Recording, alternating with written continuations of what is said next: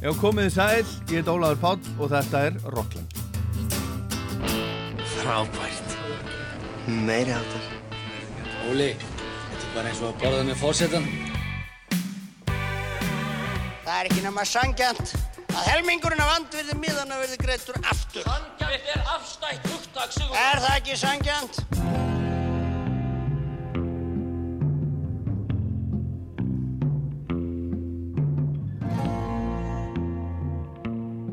Eins og oft áður verður víða komið við í Rocklandi dagsins. Við heyrum nokkur lög af nýri plötu frá hljómsveitinni Travis, plötu sem heitir Ten Songs. Við kynnumst hljómsveit frá New Jersey sem heitir eftir Jerry Garcia úr Grateful Dead, svona jamband sem heitir Garcia Peoples. Og við heyrum líka nokkur lög af nýri plötu frá Flaming Lips, American Head heitir hún. Og Anne Brún, Songhai Blues, Stevie Nicks, Stevie Wonder, Diana Jones og Celeste koma líka við sögum, svo eitthvað sé nefnt. En byrjum á Flaming Lips, þessari frábæru bandarsku hljómsveit sem hefur tvísvarsunum spilað á Íslandi og með þess að bæði skiptin á Æsland Ervefs. Hún var að senda frá sér ennina plötuna, hún heitir American Head og hefur heldur betur fengið mísjöfna dóma, allt frá frábærum dómum niður í tvær stjörnur og umsögnuna Drastl eða því sem næst. Við ætlum að skoða þessa plötu í Rocklandi í dag og byrjum á uppáfslæginum. Það heitir Will You Return When You Come Down.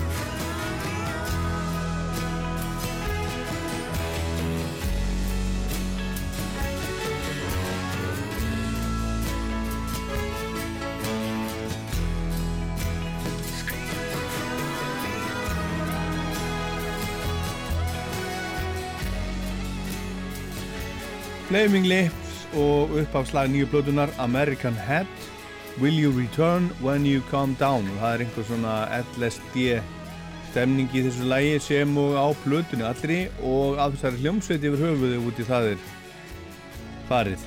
Það er eiginlega svona eins og já, hljómsveitin hún hljómar alltaf svona svolítið bara eins og ef þetta, ef þetta uh, segja að Flaming Lips væri eitt ákveði lag í tónlistasögunni þá myndi ég segja að Flaming Lips væri svona Lucy in the Sky with Diamonds. En gaggrinnandi Guardian segir um plötun eitthvað á þessa leið. Það er fullt af fallegu melodíum og sækadelíu stemningunni sem engendi hápunt þessara hljómsveitar fyrir 20 árum en í staðis að bjóða upp á 40 bíla orkestru og quadrafónik freakout og eitthvað svoleiði spennandi þá bjóða þeir þetta skiptuð upp á hugulegar en dref leiðilegar eftirlíkingar af Across the Universe bítlana og platan fær tvær stjörnur af fimm mögulegum.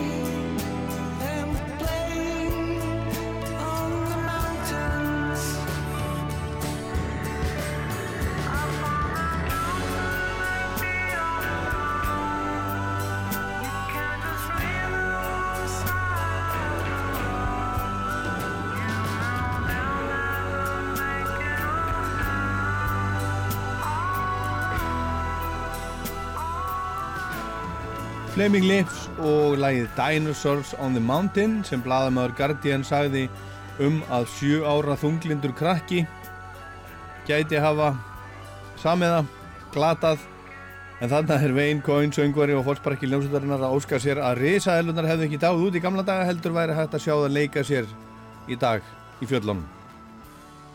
En þessi plata American Head er 16. plata þessarar mögnuðu hljómsöldur frá Oklahoma City sem spilaði síðast á Íslandi á Æsland Erfis árið 2014 bandi sem lokaði hátíðinni í Vodafone höllinni með heldur betur frábærum tónleikum eitt besta erfefskegg sögunar held ég bara með öllum sínum sirkusa atriðum en það er það sem tónleikar Flaming Lips hafa einkjænst af svona sækadelísk upplifun fyrir, fyrir mörg skilningavitt og tónleikarnir eru til í sapni Rása 2 þegar voru, voru teknir upp En platan kom út 11. september síðastliðin og, og fyrsta lægi sem að þeir sendu af henni út í heiminn áður en hún kom út var þetta sem við heyrum næst My Religion is You, lokalag blödunar, ástasöngur, ég þarf engin trúarbröð, ég trúi á þig.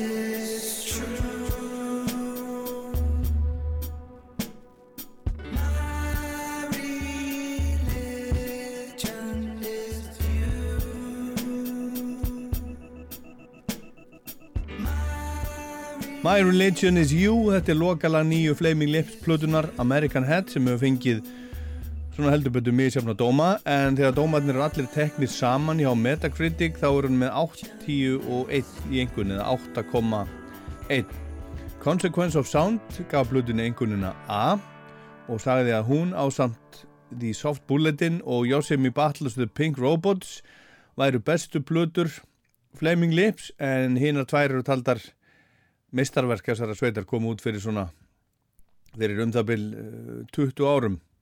En Uncut gefur American Head 9 af 10 engun og þakka hljómsveitinni fyrir að, að rannsaka eðli fjölskyldunar, ástarinnar, dauðans og nostalgíunar og fyrir einlægni og mýkt sem hafi vantað á blötuna þeirra.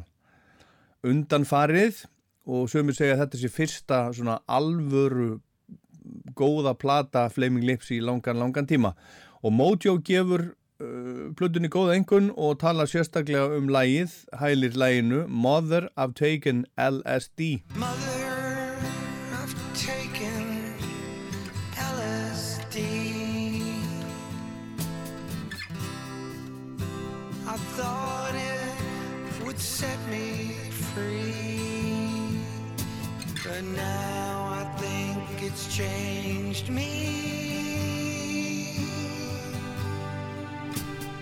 changed me.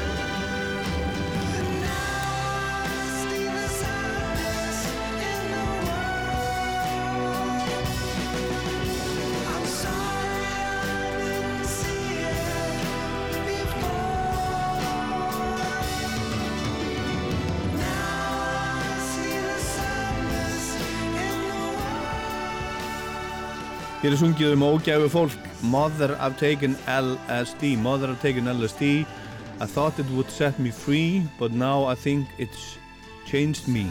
Now I see the sadness in the world. I'm sorry I didn't see it before. Tommy datt á mótíhólunu sínu og er degjandi á sjúkrahúsinu og löggan tók Kim eftir að hún reyndi að reynda að ræna apotekið Þessi hljómsveit var stopnuð í Oklahoma City í Oklahoma árið 1983 og í sveitin í dag eru Wayne Coyne, fórsprakkin, söngvarinn, litrikur náðungi, skemmtilegur, ég hef talað við hann, tekið viðtal við hann tviðsvar, hann syngur og, og, og svona aðalmaðurinn í hljómsveitinni og með honum eru svo Michael Ivins á bassa og Stephen Drost á gítara og hljómborð, þessi þrýr eru svona líkil menninir í rauninni í bandinu en með þeim eru svo Derek Brown sem spilar á gítar og hljómborð Jake Ingal á gítar og hljómborð líka Matt Duckworth Kirksey á trömmur og Nick Lay á, hljóm, á, á slagverk. Fleming Leips var lengi neðanjarðar, alveg neðanjarðar og sendi frá sér fyrstu plötunar á, á litlu fyrirtæki sem heitir Restless. Warner Brothers bauði svo sveitinni samning upp úr 1990 eftir að Sveitin hafði gefið út nokkrar skrítnar en magnaða plötur og það þótti nú ekki allstaða fínt að indie band, svona lítið neðanjara bandi svo Flaming Lips var að gera samning við risa fyrirtæki eins og Warner Brothers en þeir gerðu það nú samt og fengu að halda listrænu frelsi sínu og gera það sem að þeir vildu mörgum að ofurum. Fyrsta Warner platan er, er Death in the Future Head sem kom út 1992 Árið eftir kom svo Transmissions from the Satellite Heart sem hefur að geima lægið She Don't Use Jelly sem var dálitill smellur spilað á rock út á stöðum um allan heim þegar það var nýtt til dæmis á X-inu hér í Reykjavík Rock City. En þá var svo platan The Soft Bulletin sem öllu breytti 1999 hún er algjörlega frábær eina mínum uppáhaldsblötum bara í heiminum og, og uppáhald margra. Og árið eftir kom sveitin í fyrsta sinn til Íslands og spilaði í lögatarsvöllinni og það var algjörlega frábært, frábæri tónleikar sem Rás 2 hljóðritaði. New Musicalers Press valdi Soft Bulletin plötu ásins 1999 og næsta plata er eiginlega alveg frábær Yosemite Battles of Pink Robots kom 2002 Sveitin var tilnum til Brittveluna 2007 í floknum Alþjóðlega hljómsveit ársins og hún hefur nælt sér í þrenn Grammy-völun og alls konar velun hér og þar. Fleming Lips er eitt, eitt skemmtilegsta band sem að sem ég á mistakosti hef séð á sviði þeir leggja mikið upp úr búningum og alls konar svona surrealiskum eh, uh, skemmtiadriðum til svona uh, svona pátlóskar á, á styrum og síru. Það er til dæmis ekki óalgengt að sjá sólina og, og jólasveina upp á sviði hjá þeim.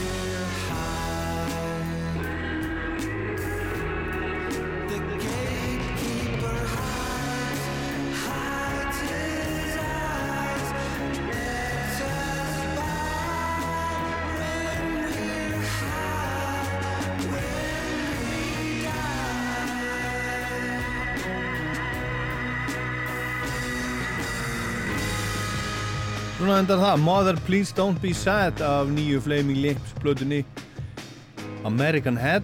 Og við tekum svo strax annar lag When We Die When We're High. Við skulum heyra það líka.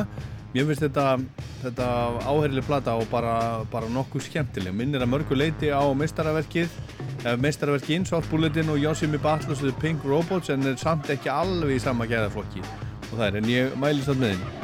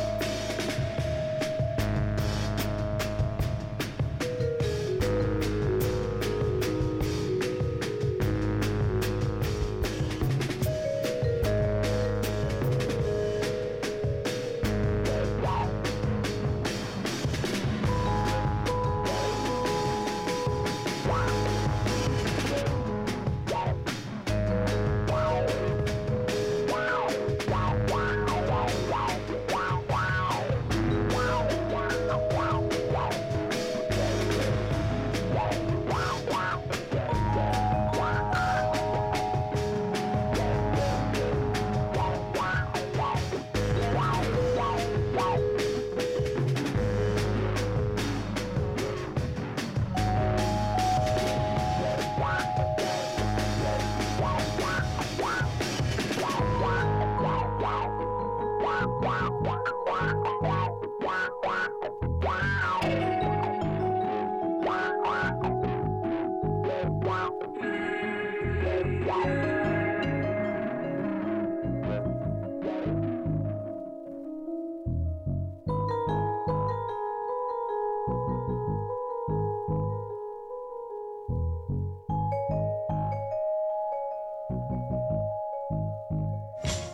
Listening to Rockland on Roustford, and this is Mike Rowe the Beach Boys saying, stay tuned. Hljómsveitin Travi sem var einu sinni einu vinsalasta hljómsveit heims. Smellinir komu í, í, lungum bunum. Travis vakti strax aðtekli með fyrstu plötunum sinni The Good Feeling sem kom út 1997 en svo var það allt svolítið vittlust þegar The Man Who kom 1999. Það eru lög eins og, eins og Turn og Why Does It Always Rain On Me. Núna í síðustu viku kom nýjunda plata Travis út, hún heitir Ten Songs og við ætlum að heyra nokkur lög á henni hérna í dag. Platan byrjar á, á fínu lægi sem heitir Waving at the Window.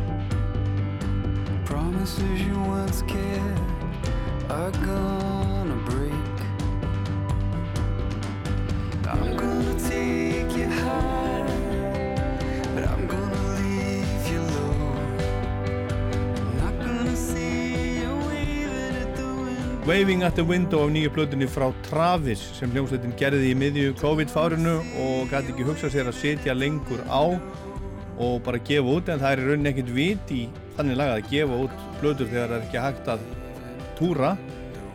Eh, ef maður er að hugsa um svona fjárhagslegu hliðina í gamla daga fóru hljómsveitir í tónleikaferðir til þess að vekja aðtegli á nýju plötunum sínum og mestu tekjurnar komu frá plötusölunni en í dag gefa hljómsveitir út plötur svo að þeir geti farið að túra að mista kosti margar og tekjurnar koma mestu frá miðarsölu. Plöturnar seljast minna eins og við, eins og við vitum öll. Þannig að við tökum bara ofan fyrir þeim sem gefa út plötur á þessum tímum. Það er eh, eitthvað annað en draumur um, um peninga að mista kosti sem vakir fyrir þeim og Travis var sem sagt að gefa út plötu, bara nokkuð fína plötu sem minnir á Marta Besta sem sveitin gerði á þeim tíma þegar hún var upp á sitt besta eða mista kosti sitt vinsalasta. Þetta laga plötunni sem við heyrum næst er búið að heyra stáliti hérna á rásinni, þetta er lag nummer 2 heitir The Only Thing og þar er með hljómsveitinni gestur, gesta söngkona Susanna Hoffs, söngkona á fósbrakki bandarísku kvenna hljómsveitarnar Bangles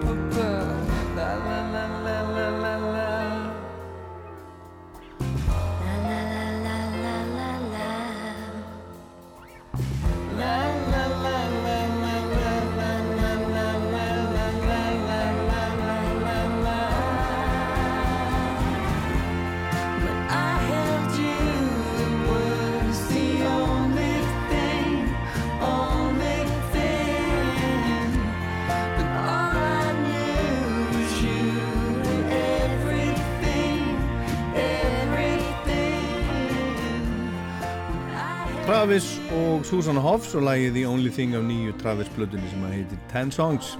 Travis kemur frá Glasgow og var stopnið árið 1990 og hefur verið skipað fjóru, sömu fjórum náungunum frá upphafi. Fran Healy syngur og spilar á, á kassagítar það er svona rithmagítar. Doggy Payne spilar á, á bassa. Andy Dunlop heitir hann gítarleikarin og trommarinn Neil Primrose og nafnið Travis kemur frá, frá karakternum sem Harry Dean Stanton leik í kvikmyndinni Paris, Texas á sínum tíma, myndin sem að Wim Wenders gerði árið 1984 og margir eflust ekki.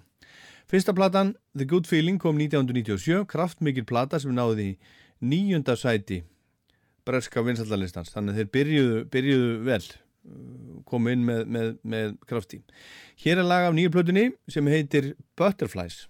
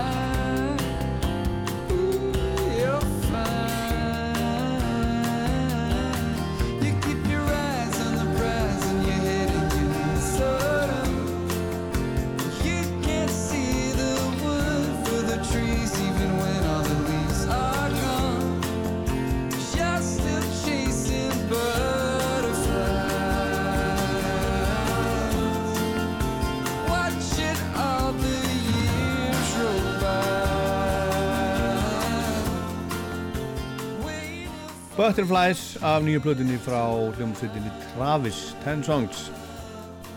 Önnur platan þeirra sem heitir The Man Who kom út 1999 og með henni eignaðist sveitin gríðarlegan fjölda aðdáenda um allan heim þar á meðal á Íslandi. Ég veit að það eru margir sem að eiga þessa blödu eða áttana minnstakosti gætu verið búin að henda geitladiskinum ég veit að ekki eða, eða komunum eitthvað, eitthvað frá sér en á þeirri blödu eru lög eins og Writing to Reach You, Driftwood, Turn og Why Does It Always Rain On Me sem fengu öll talsverða spilun í útarpi við þeim heim og til dæmis hérna hjá okkur á Rástuða. Platan seldist í nýfaldri platínusölu og, og seldist í næstum þremur miljónum eintaka bara heima í Breitlandi og fór á toppin á breska vinsildalistanum. Og það gerði næsta plata líka, The Invisible Band, var fjórar vikur á toppnum í Breitlandi og 15 vikur á topp 10, en það eru lög eins og, eins og til dæmis Sing, sem að heyri stundum hérna rástfö, og Flowers in the Window, sem að einhverju muna eflust eftir. En næsta plata heitir 12 Memories, hún kom 2003, svo kom The Boy With No Name 2007, Ode to J. Smith 2008, Where You Stand 2013, Everything at Once heitir platan sem kom úr 2016 og svo var nýja platan sem þetta koma núna og allar hafa þessar plötur selst svona sæmilega og bandi hefur fyllt þeim eftir eins og gengur og gerist en Travis hefur almennt flóið heldur lægra en sveitin gerði þegar hún var hvaða vinsalust það hafa komið nýja hljómsveitir og, og listamenn og, og Travis ekki alltaf ekki mikla aðtegli með þessum plötu sínum þrátt fyrir að þeir séu flestar ágætar. En mér fannst ástæða til þess að skoða þess að nýju plötu þeirra í Rockland í dag og við skulum heyra næst lagafinni sem heitir A Million Hearts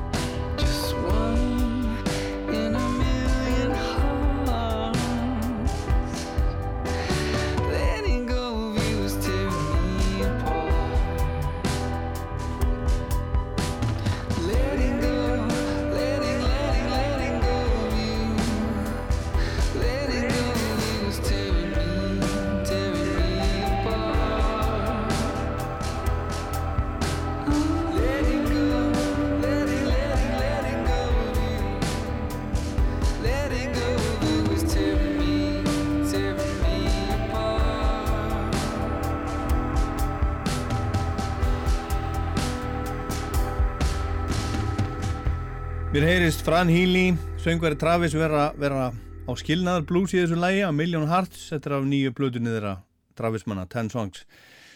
Travis kom eiginlega svona í restina á Britpopinu var með í því eh, stóra mengi á þessum tíma en í setni tíð er talað um að Travis hafi svolítið rött brautina fyrir svona mýgri pop rock sveitir eins og Keen og Coldplay til dæmis. Travis hefur tviðsvann allt sér í Britvelun sem hljómsveit ásins og árið 2000 var hún valinn hljómsveit ásins af lesendum New Musical Express og 2016 var sveitin heiðru fyrir framlagsitt á, á skorsku tónlistavellunum. Þeir eru fullt af alls konar velunum og, og viðkenningum upp í sínum hillum eflaust. Skulum heyra meira. Hér er lag sem að minnir jafnvel svolítið á Mumford Sons, þetta heitir Ghost. Line by line we drew it up, had our feeling, threw it up, broke the will and tore it up. I can't even say why. All my past is shoring up, beating on my door won't stop. Couldn't lie, so I made it up, and I can't even say why. I can't even say why.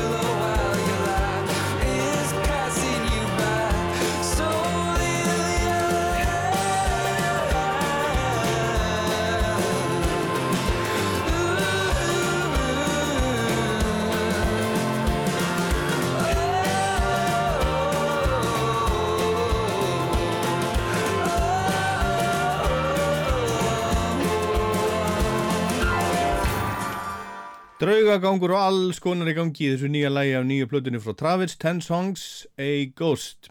Skulum heyra eitt til viðbútar, næst síðasta lag plötunar, það er svolítið bítlalegt, eh, það er í valstakti og með miklum strengjum og heitir Nina's Song og ég get alveg mælt með þessari plötu fyrir gamla aðdáundur Travis sem langar að endur nýja kynnin við þessa gömlu vini frá Skotlandi og komu hinga til Íslands og spiluðu fyrir fullri lögatarsvall þegar sveitin var á hátindi ferilsins sumari 2002. story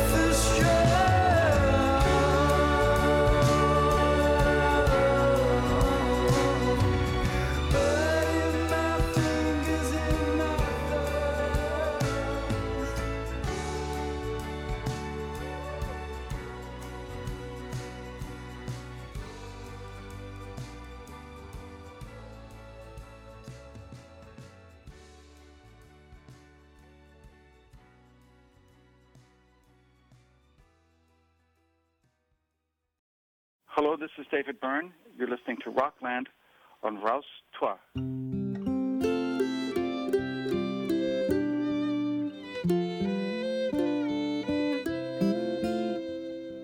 song to a refugee song to us all. None of us know where our footsteps will fall and what will become of the place that we love, the place that we think of as home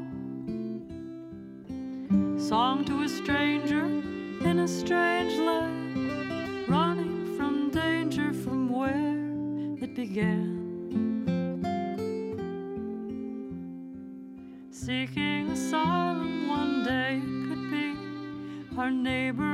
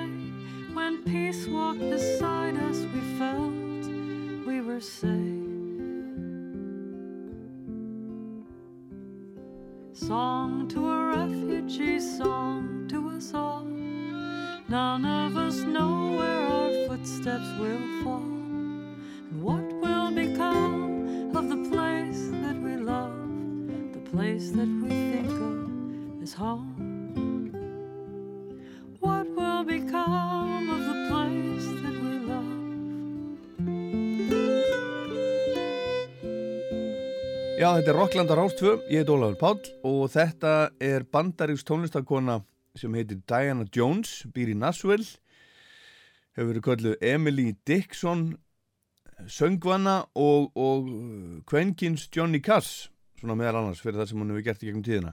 En hún var að senda frá sér fyrstu plötuna sína í 13 ár, núna fyrir skemstu og það eru nokkri góðir gestir með henni á plötunni, Steve Earle, Peggy Seeger og Richard Thompson. Lægi sem var enda er Song to a Refugee, titila plötunar og við skulum heyra líka lægi sem, sem gestinir eru með í. Það heitir We Believe You.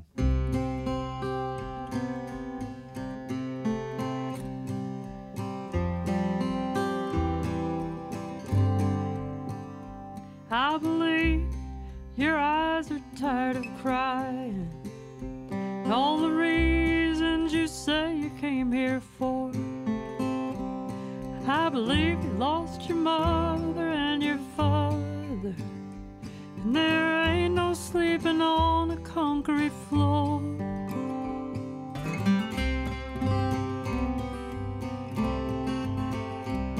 I believe the gang said they would kill you. I believe they killed your child and your wife. In the end, there was no one left to save you. I believe you were running for your life. I believe you. I believe you. I believe you were starving in the desert. All the water had been poured out on the ground. I believe you had no voice. I believe you had no choice. Everything you loved was burning down. I believe you. I believe you. I believe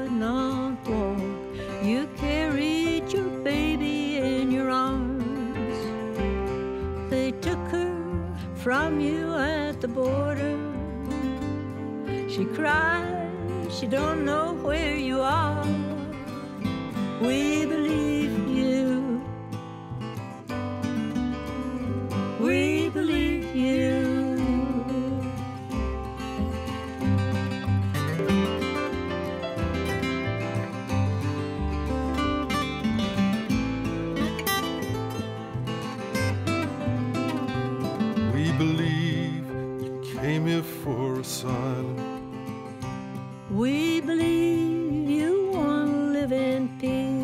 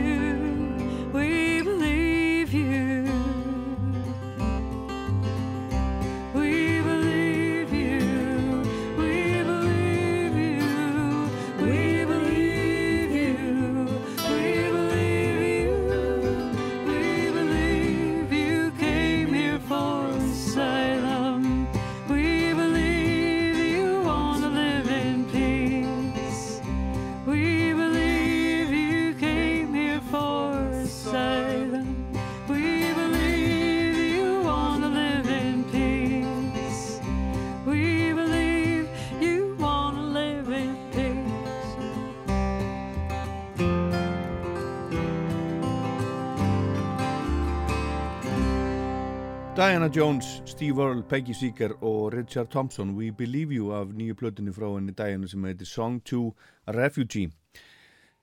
Celeste er frábær ung, ung bresk sönguna sem BBC spáði miklum frama núna í fyrra og ég held að sá síðan að, að rætast. Vel rúmlega það, hún var að senda frá sér lag sem að hún gerði fyrir nýja kvikmynd sem heitir The Chicago 7 og fjallar um hóp uh, anstæðinga Vietnamstrísins sem lendu í, í vandraðum og átökum við bandarisk stjórnvöld sent á sjöndarartögnum, þetta er sérstaklega byggt á sannsögulegum atbörðum og Celeste hún samti lægi með Daniel Pemberton sem að gerði tónlistina fyrir þessa mynd og hún segir að það hafi vaka fyrir þeim að gera stert lag fyrir þessa mikilvægu mynd sem er leik stýrt af Aron Sorkin.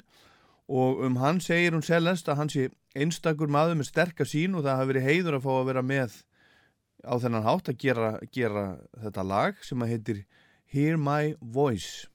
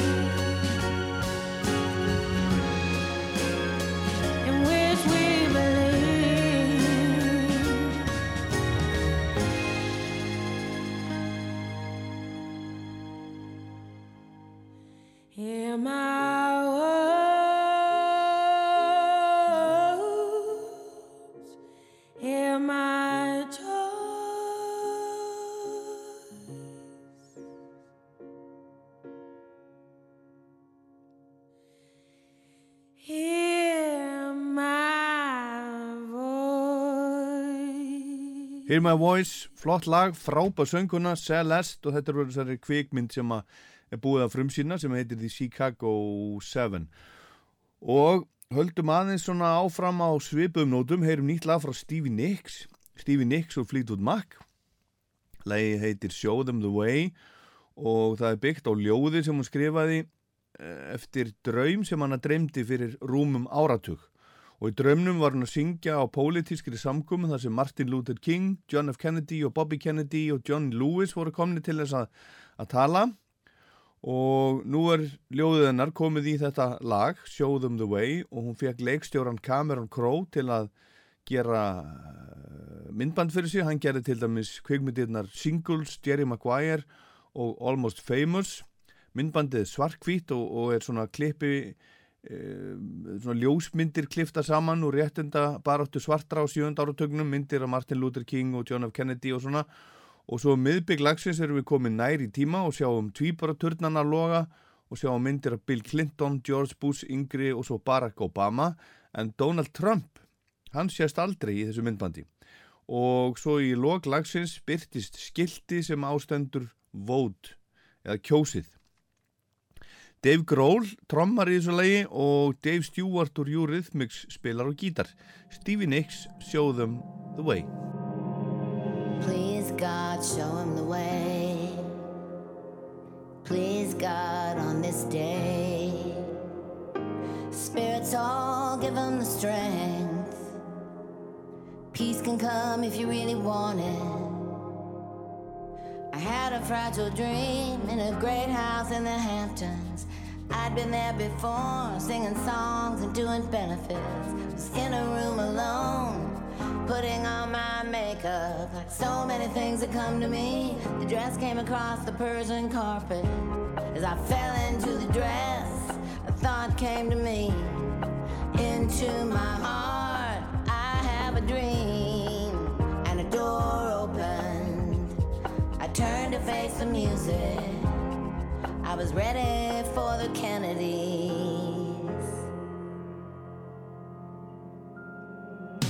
I don't know if it was 1960 or 1963. Everything was timeless,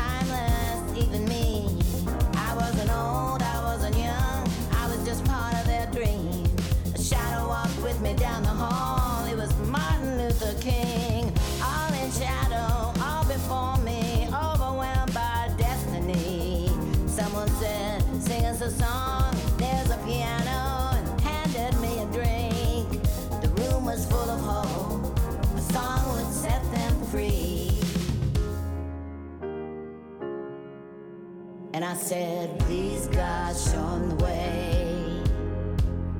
Please God, on this day. Spirits all give 'em the strength. Peace can come if you really want it. I sat at the piano, stared out at the shadows.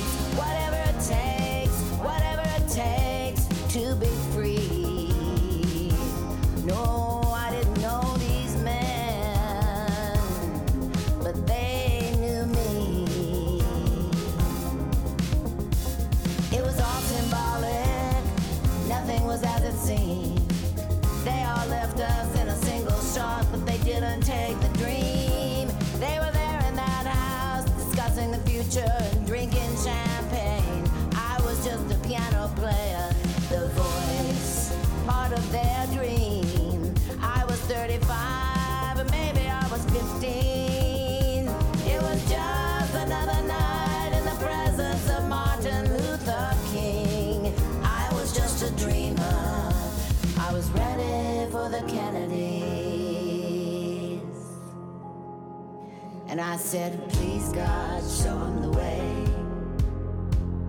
Please God, on this day, light the fire, start it over, tell the world about the dream.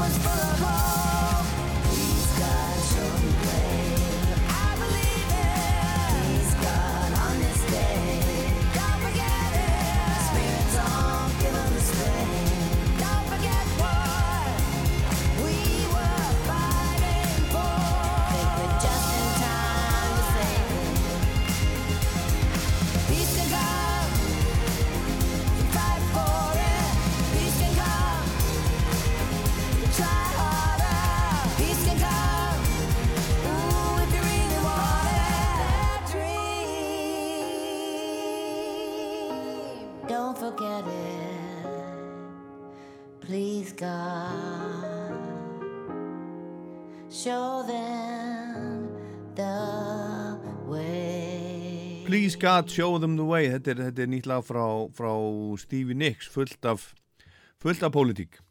Við skulum heyra næst nýtt lag með norsku söngkonunni Anne Brún sem er algjörlega laust við alla pólitík. Þetta er titila næstu plötu sem heitir Crumbs og fjallar um það þegar fólk þarf að sætta sig við, við móla, afganga til dæmis í ástarsambandi. Það má vel verða að sé eh, svo sem pólitík í því. En hún segist hafa verið með lag Nínu Simón The Other Woman í huga þegar hún samti þetta, þetta lag, þetta fjallar sér um það að vera hinn konan.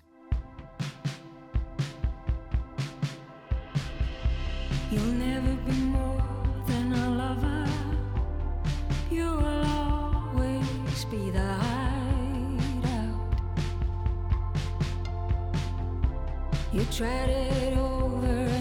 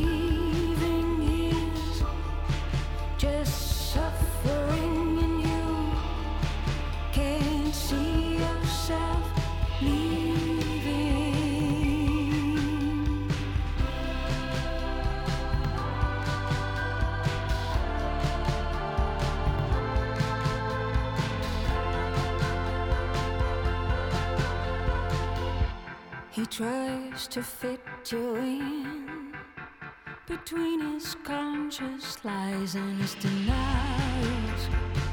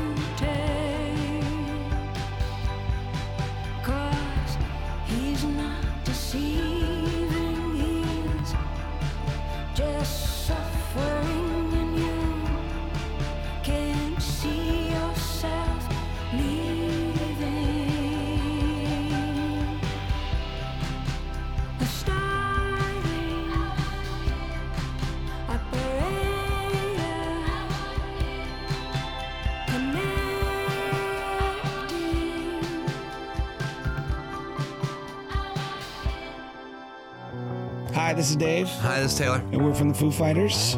We're coming to rock you. All the time. Every day. Every night. Every weekend. Once a month. On Christmas. Holidays too. Happy Thanksgiving. Have a great birthday. Goodbye. See ya.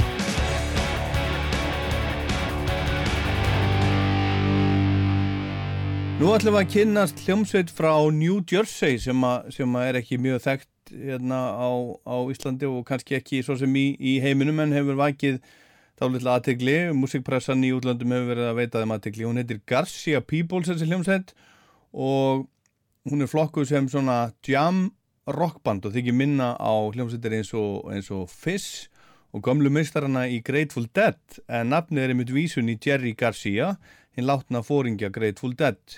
Garcia Peoples. Þetta var tríó þegar það var stopnað fyrir áratug en er sex manna hljómsveit í dag og nýja platan þeirra heitir Nightcap at Wits End og byrjar svona.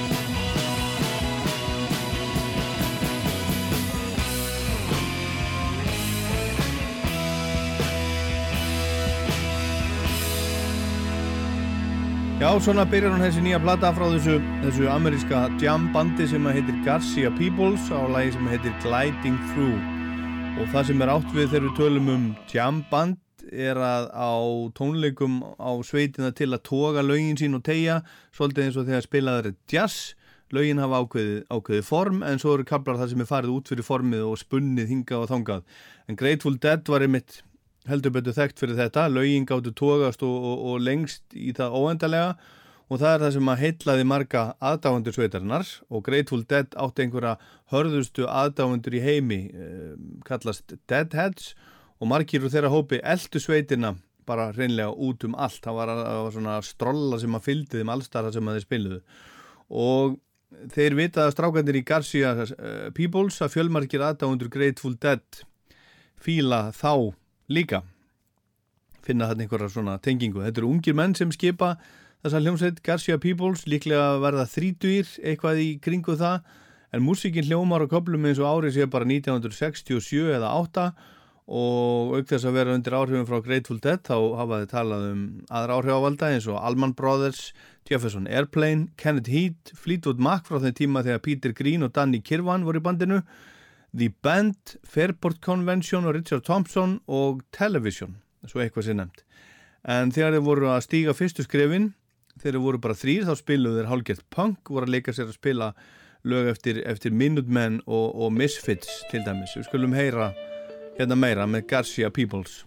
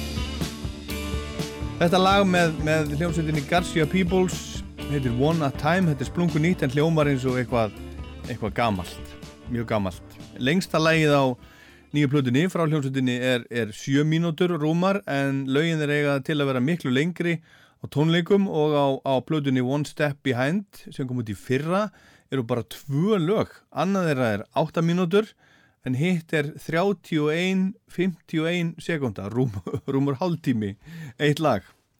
Þessi hljómsveit kemur frá Rutherford í New Jersey og eins og ég sagði á þann þá voru þeir þrýr fyrst en svo fjórir, Tom Malak og Danny Arakaki sem báður syngja og spila á gítara, trommarinn Cesar Arakaki, þeir eru bróðir hann og, hann og, hann og Danny og svo bassarleikarinn Derek Spaldo og fljótlega fættist stílinn þessi svona jamband feelingu sem á upprunn og sinn í þessum sveitum fyrir tíma sem ég myndist á áðan Grateful Dead og Allman Brothers og fleirum.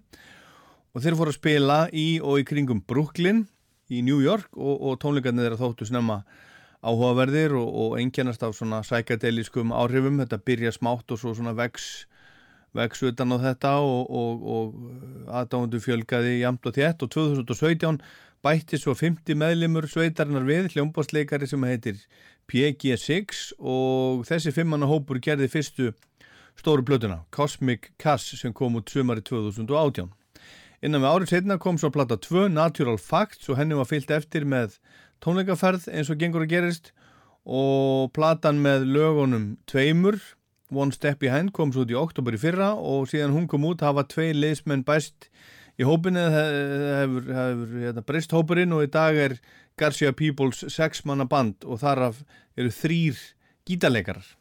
Þetta er svona síru sækadelju band og þessi nýja plataðar er ansið skemmtileg. Fyrir hlutin eða alliðin er meira svona lag og lag, lag fyrir lag en bjelliðin rennur meira saman á milli eiginleira lagan eru litli stubbar sem að bera nöfn, svona eins og lagaheiti en eru svona eins og brýr milli lagan og það sýnir hljómsveitina meira eins og hún er kannski á, á tónleikum þegar lögin eru löng og renna síðan saman hvert við annað.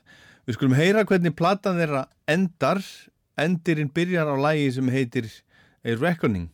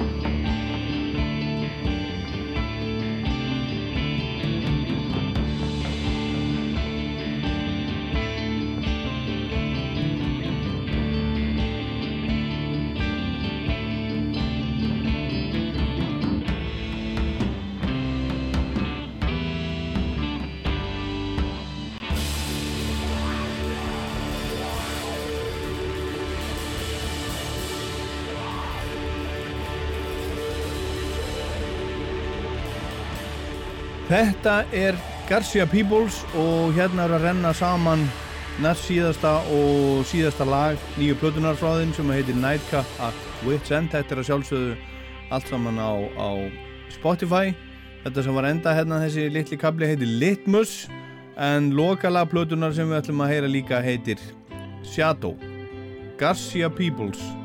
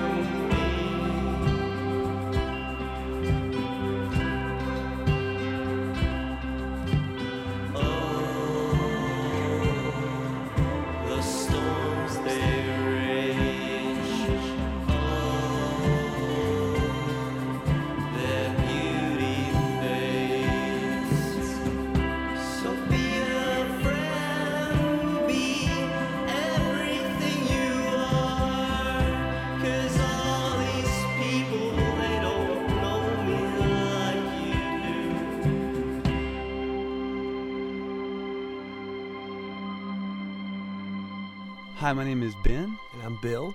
And we're from the band Band of Horses, and you are listening to Raus 2